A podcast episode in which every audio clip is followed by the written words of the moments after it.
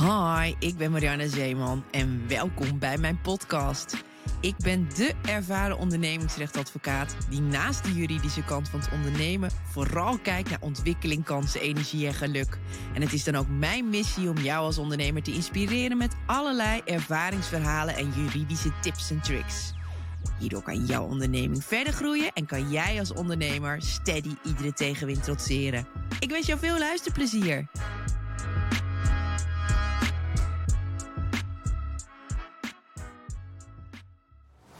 Dan, voordat we gaan naar de podcast, even een korte disclaimer. Verhalen, casussen uit de praktijk zijn altijd op dusdanig veel uitgangspunten aangepast dat deze niet herleidbaar zijn naar bestaande cliënten, dan wel zij fictief op basis van een combinatie van verschillende verhalen uit de praktijk en rechtspraak. Adviezen in deze podcast zijn algemene adviezen en dienen dan ook niet te worden beschouwd als juridisch advies, omdat een juridisch advies op maat is gesneden naar de specifieke omstandigheden van het geval. Het op basis van de informatie in deze podcast aangaan van juridische verplichtingen met derden is dan ook altijd voor eigen rekening en risico van jou als rechtzoekende. Je bent te alle tijden zelf verantwoordelijk om te bepalen of het betreffende advies bij jouw situatie past en of je in dat kader nog specifiek advies zal moeten inbinnen. Hallo, hallo en welkom bij mijn allereerste podcast. En met het lanceren van deze podcast gaat voor mij een enorm grote wens in vervulling. Daar ga ik het straks wat meer over hebben. Want ik ga eerst even mezelf introduceren voor de mensen die mij niet kennen. Mijn naam is Marianne Zeeman. Ik ben op het moment van opnemen 41 uh, lentes jong. Ik uh, heb een zoon van 9 jaar oud. Een leuke relatie, waardoor ik ook nog op als bonus nog een bonusdochter erbij heb van bijna 18 jaar oud. Ik ben in 2007 beëdigd bij de rechtbank Amsterdam, toen de tijd nog. En heb sinds 1 januari 2014 een eigen advocatenkantoor. Althans ben ik zelfstandig ondernemer geworden. Destijds gestart met uh, een hele goede vriendin en destijds een collega. Uh, ja, eigen kantoor. Destijds heten wij Scherp Advocaten.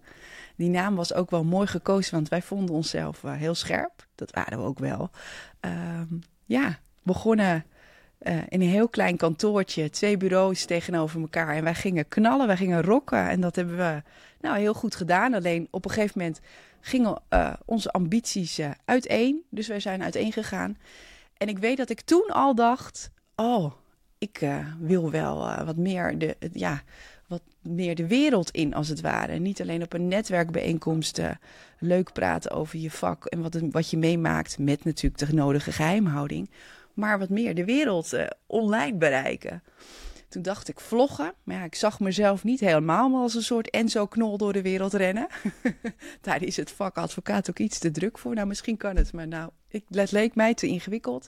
Nou, dan word je natuurlijk als ondernemer ook opgeslokt door de waan van de dag. Dat kent ook iedere ondernemer wel. En op een gegeven moment ja, kwam het podcast bij mij op pad. En toen heb ik op een gegeven moment hulp ingeschakeld, want dat leer je ook als ondernemer. Je kan het niet alleen, je kan het niet zelf alleen. Uh, je doet het samen.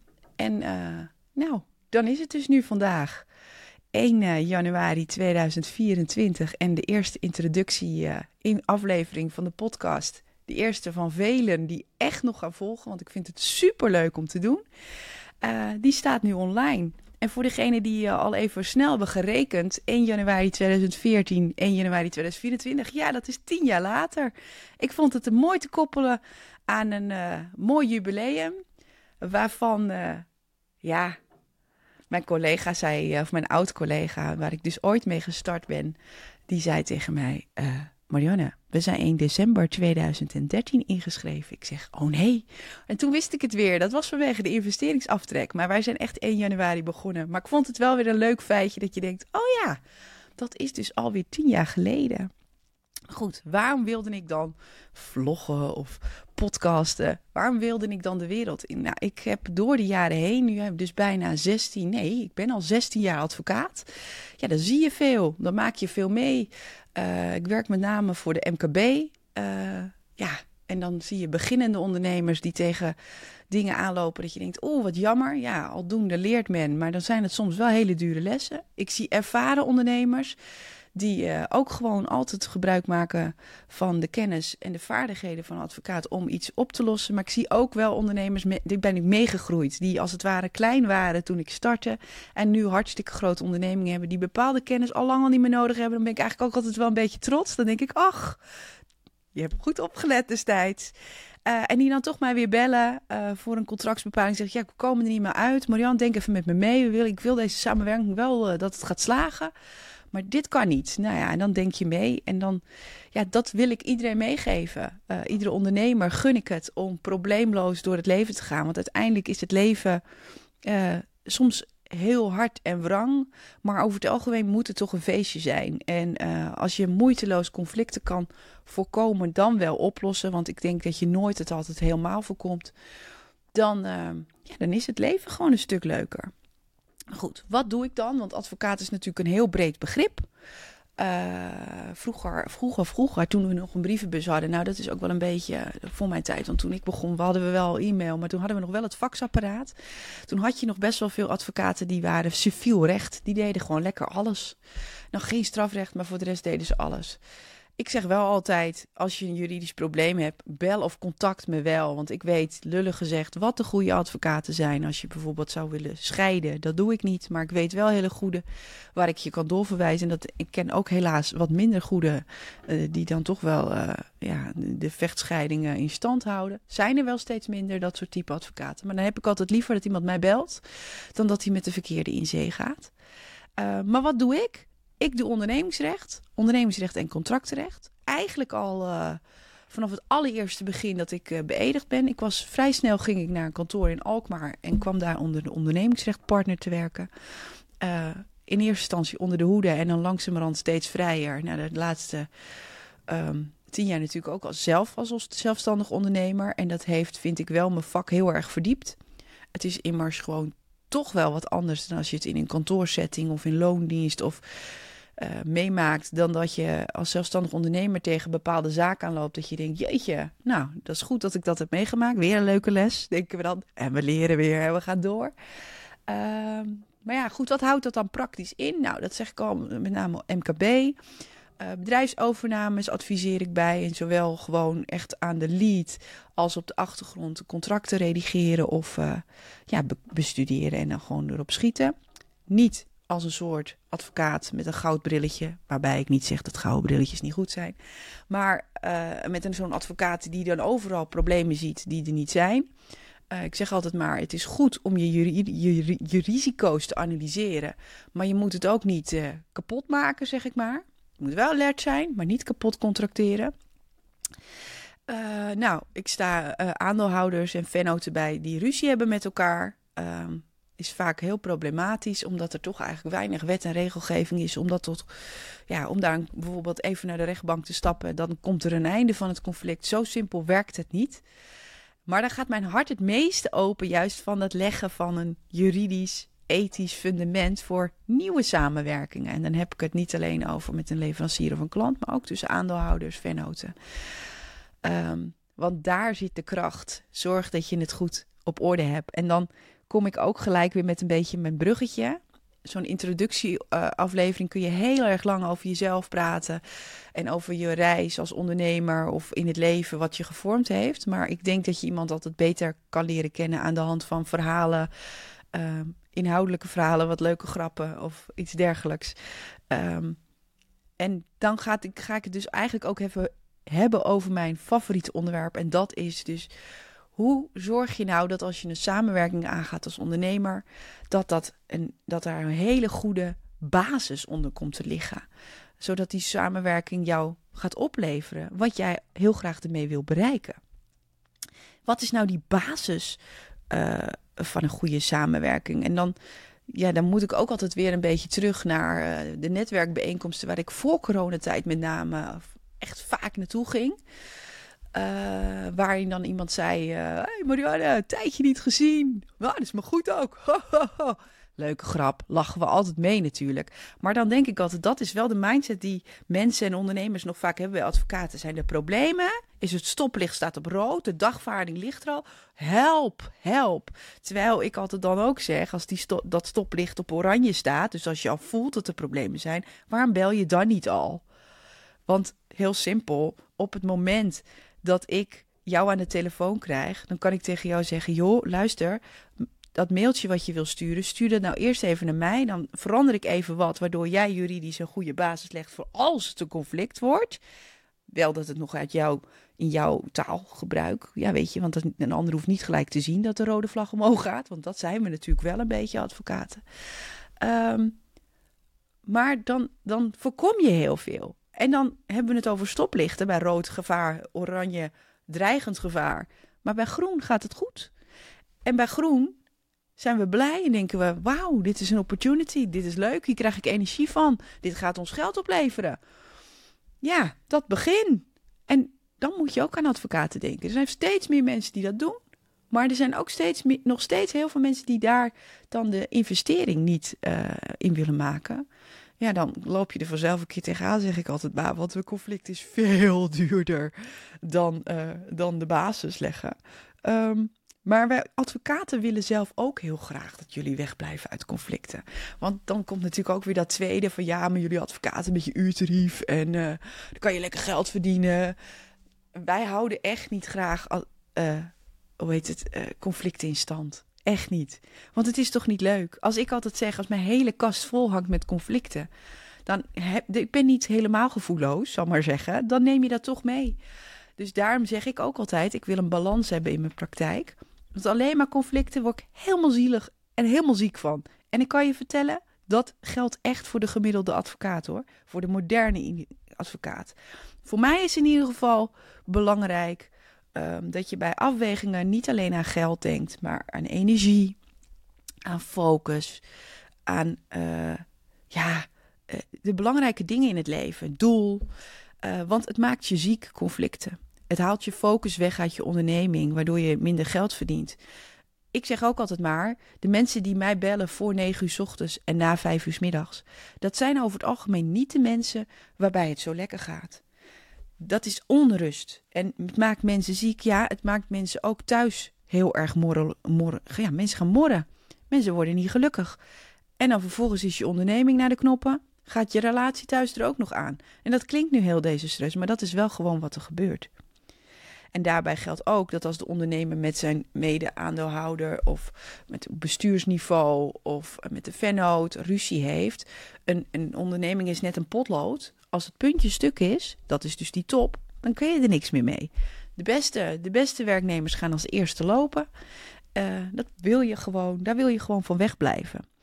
Waarbij ik altijd zeg. Uh, je moet ook niet denken dan, oh, ik hoef geen enkele discussie aan te gaan. Ik moet een people pleaser worden. Nee, absoluut niet. Je moet alleen wel weten hoe je de discussie aangaat, wanneer je de discussie aangaat. En ja, daar ga ik het misschien ook nog wel even in een andere podcast. Uh, komt gelijk een onderwerp in mij naar boven. Hoe ga je die discussie nou aan als het gaat wrijven? Want ja, net als een huwelijk thuis, ook ondernemers onderling dat, dat, wrijft natuurlijk soms wel eens. Want zijn nou eenmaal ondernemers zijn mensen die over het algemeen uh, wel hun babbeltje hebben, want anders word je niet ondernemer. Of je hoeft niet heel gelijk heel erg veel te praten. Niet zoveel zoals ik doe, alsjeblieft niet.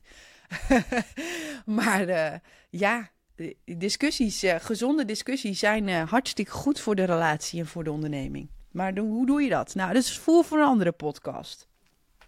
Maar goed, terug naar die basis. Wat is nou de basis van een goede samenwerking. Is dat dan een goed contract? Ja, nou, dan, dan daar zou je ook verwachten als advocaat. Hè? Dat je denkt, ja, maar het moet goed vastleggen. Nee, ja, het grappige is, dan zeg ik dus primair, in beginsel, in principe. Ja, dat zijn de mooie termen van advocaat. Nee, de basis is dat je diep van binnen op één lijn zit. Dat je hetzelfde doel nastreeft, maar vooral ook dat je qua hart en onderbuik dat dat helemaal ja, aligned, een beetje het mooi woord is. Dat je allebei dezelfde uh, waarde hebt en hetzelfde doel hebt en vooruit gaat.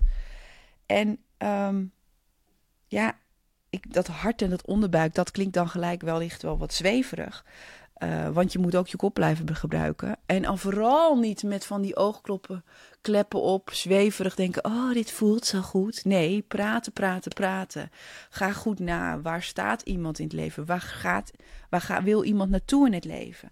Waarbij het dus nooit zo is van ja, toen zeiden we gaan twintig jaar met elkaar samenwerken.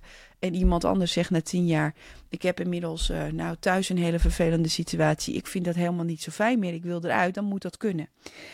Um, blijf die hersenen gebruiken en ga dat gesprek goed aan. Praten, praten, praten.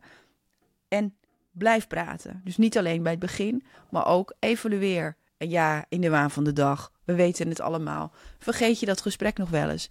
Maar um, daarom is het eigenlijk ook zo belangrijk dat als jij goed tijd investeert in waar je allebei naartoe wil, welk doel je wil.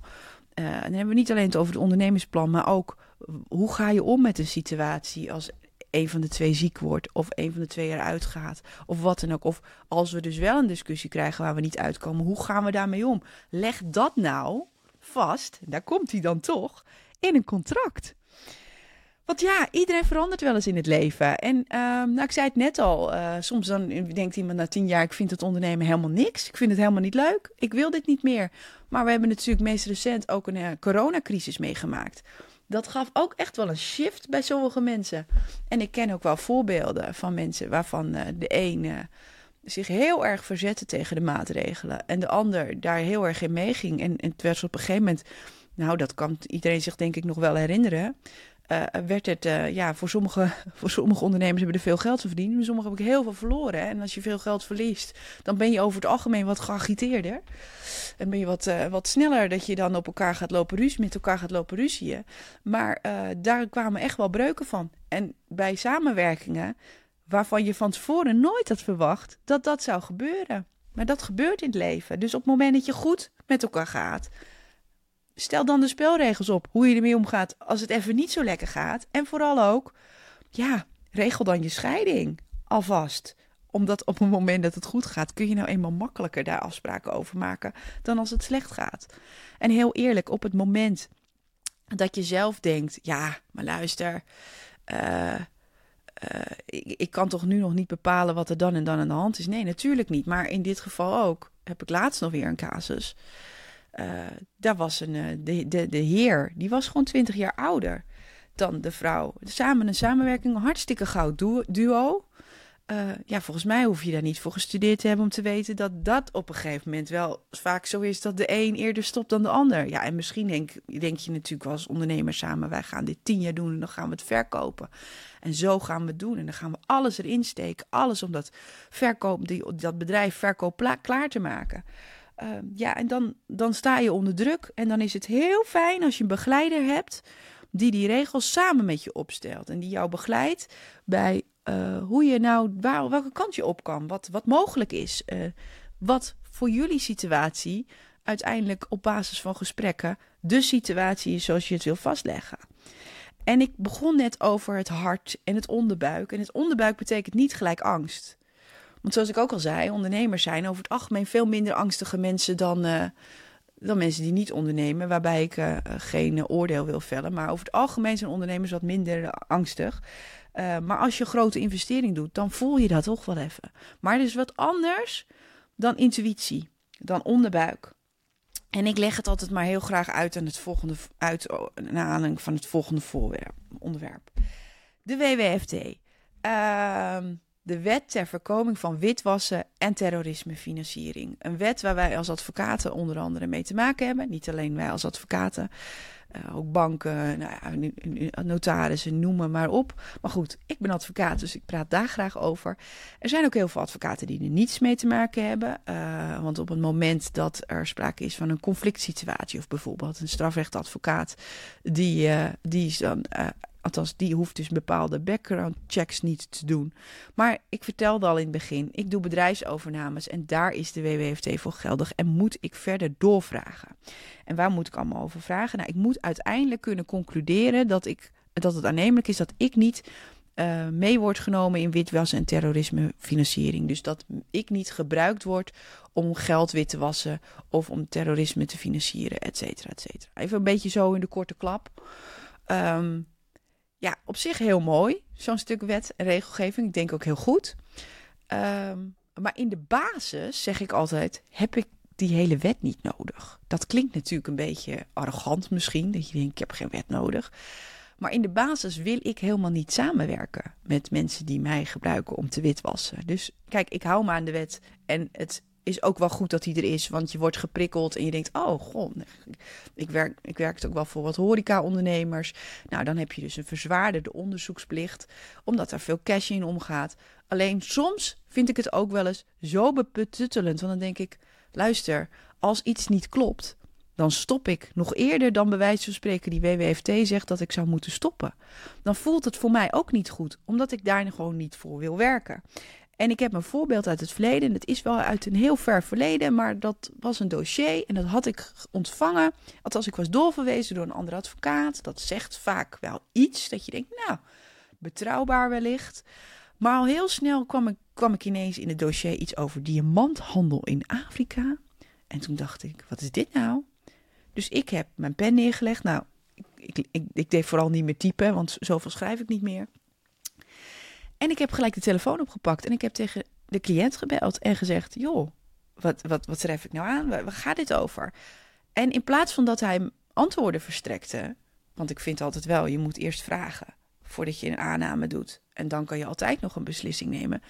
Maar hij werd defensief, hij werd ontwijkend. En ik dacht, ik ga helemaal niet meer verder met dit dossier.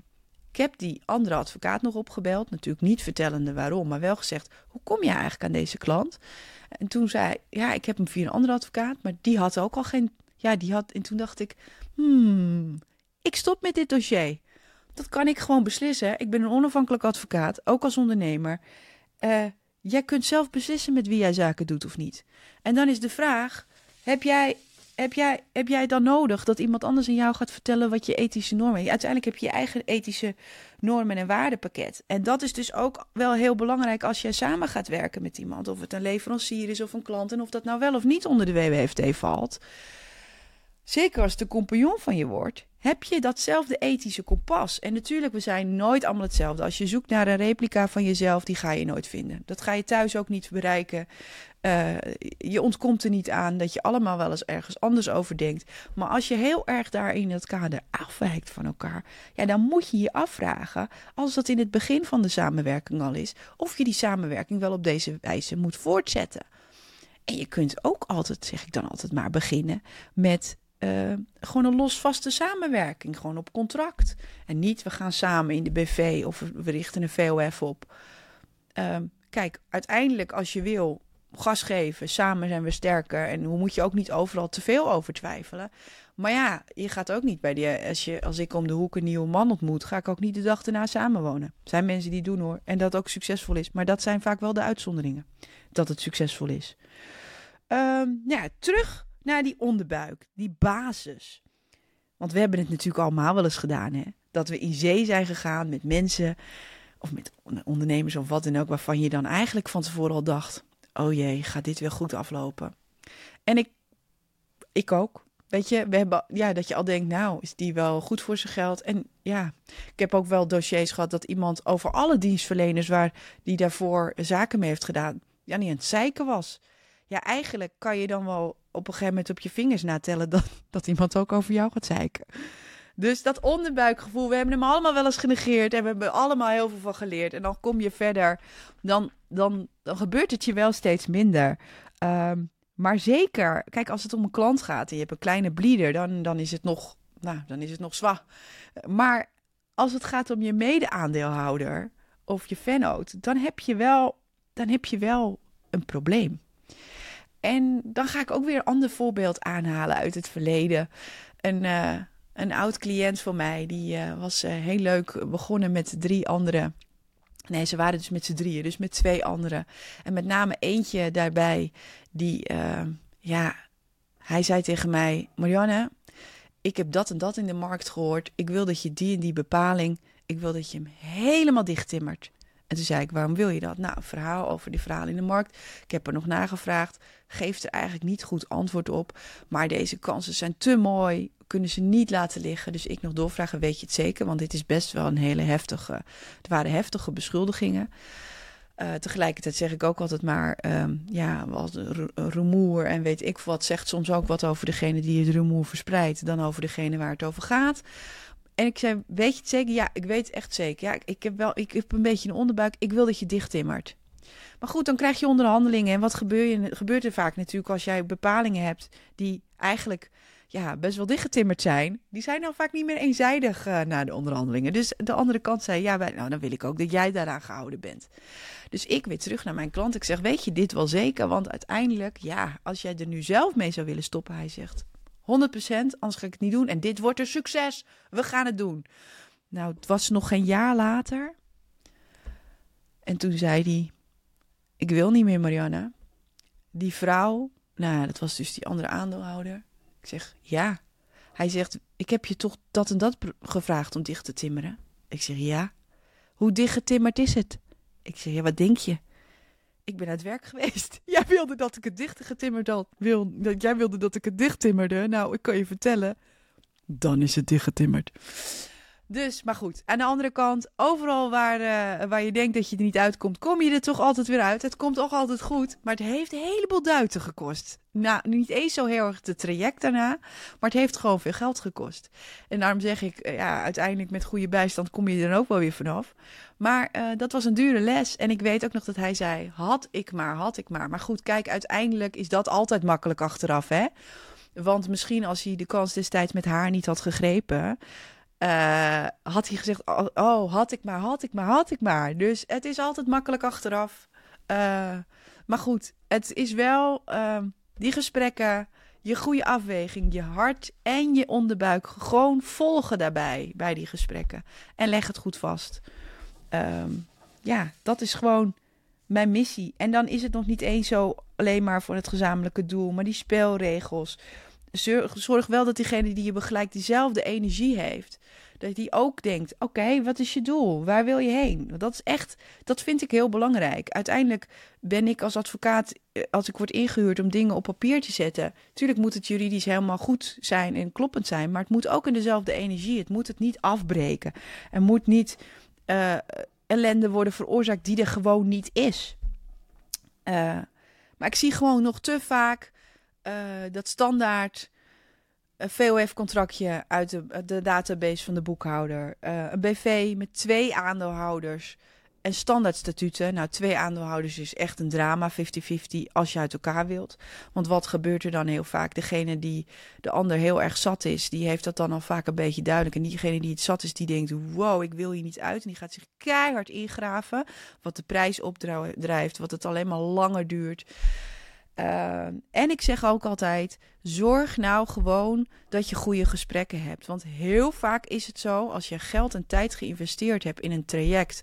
En of dat nou het begin van je samenwerking is of halverwege dat je denkt: ik moet nu toch eens een keer wat regelen. Uh, als je daar tijd in, dan, dan is vaak op het moment dat, dat daar dus iets gebeurt. En dat, dat een van de twee ziek wordt en zegt: van ja, ik ik wil niet meer. Dan hoeft vaak dat contract niet eens meer uit die kast te komen. Want dan is het al veelvuldig besproken en dan weet je al met elkaar hoe je erover denkt. Zeg niet dat je dus niet dat contract eruit moet halen. Maar dat voorkomt heel veel. Dus investeer nou tijd en geld in het leggen van dat juridische. En ik noem het ook altijd het ethische fundament van je samenwerking. En doe dat met iemand erbij die in de juiste energie zit. Die gewoon energie heeft dat is dus ook mijn missie. Ik ga hier uh, de komende uh, maanden heel veel nog verder over uh, podcasten. Maar goed, de, jij hebt dit hele, deze hele podcastaflevering al afgeluisterd. Dus daar ben ik al heel trots en heel blij mee. En heb dan ook nog een verrassing. Want als je nou een keertje denkt: Goh, ik wil Marianne eens spreken. Of ik, ik heb wat juridische know-how nodig? Kijk dan even een keertje op mijn website. Ik heb op mijn website niet alleen wat informatie over het hele aanbod en nou, wie wij zijn, uh, maar ik heb ook um, een webwinkel met wat modellen. Uh, je kunt wat meer zien, ook bijvoorbeeld waar ik het net over had, over die, die basis.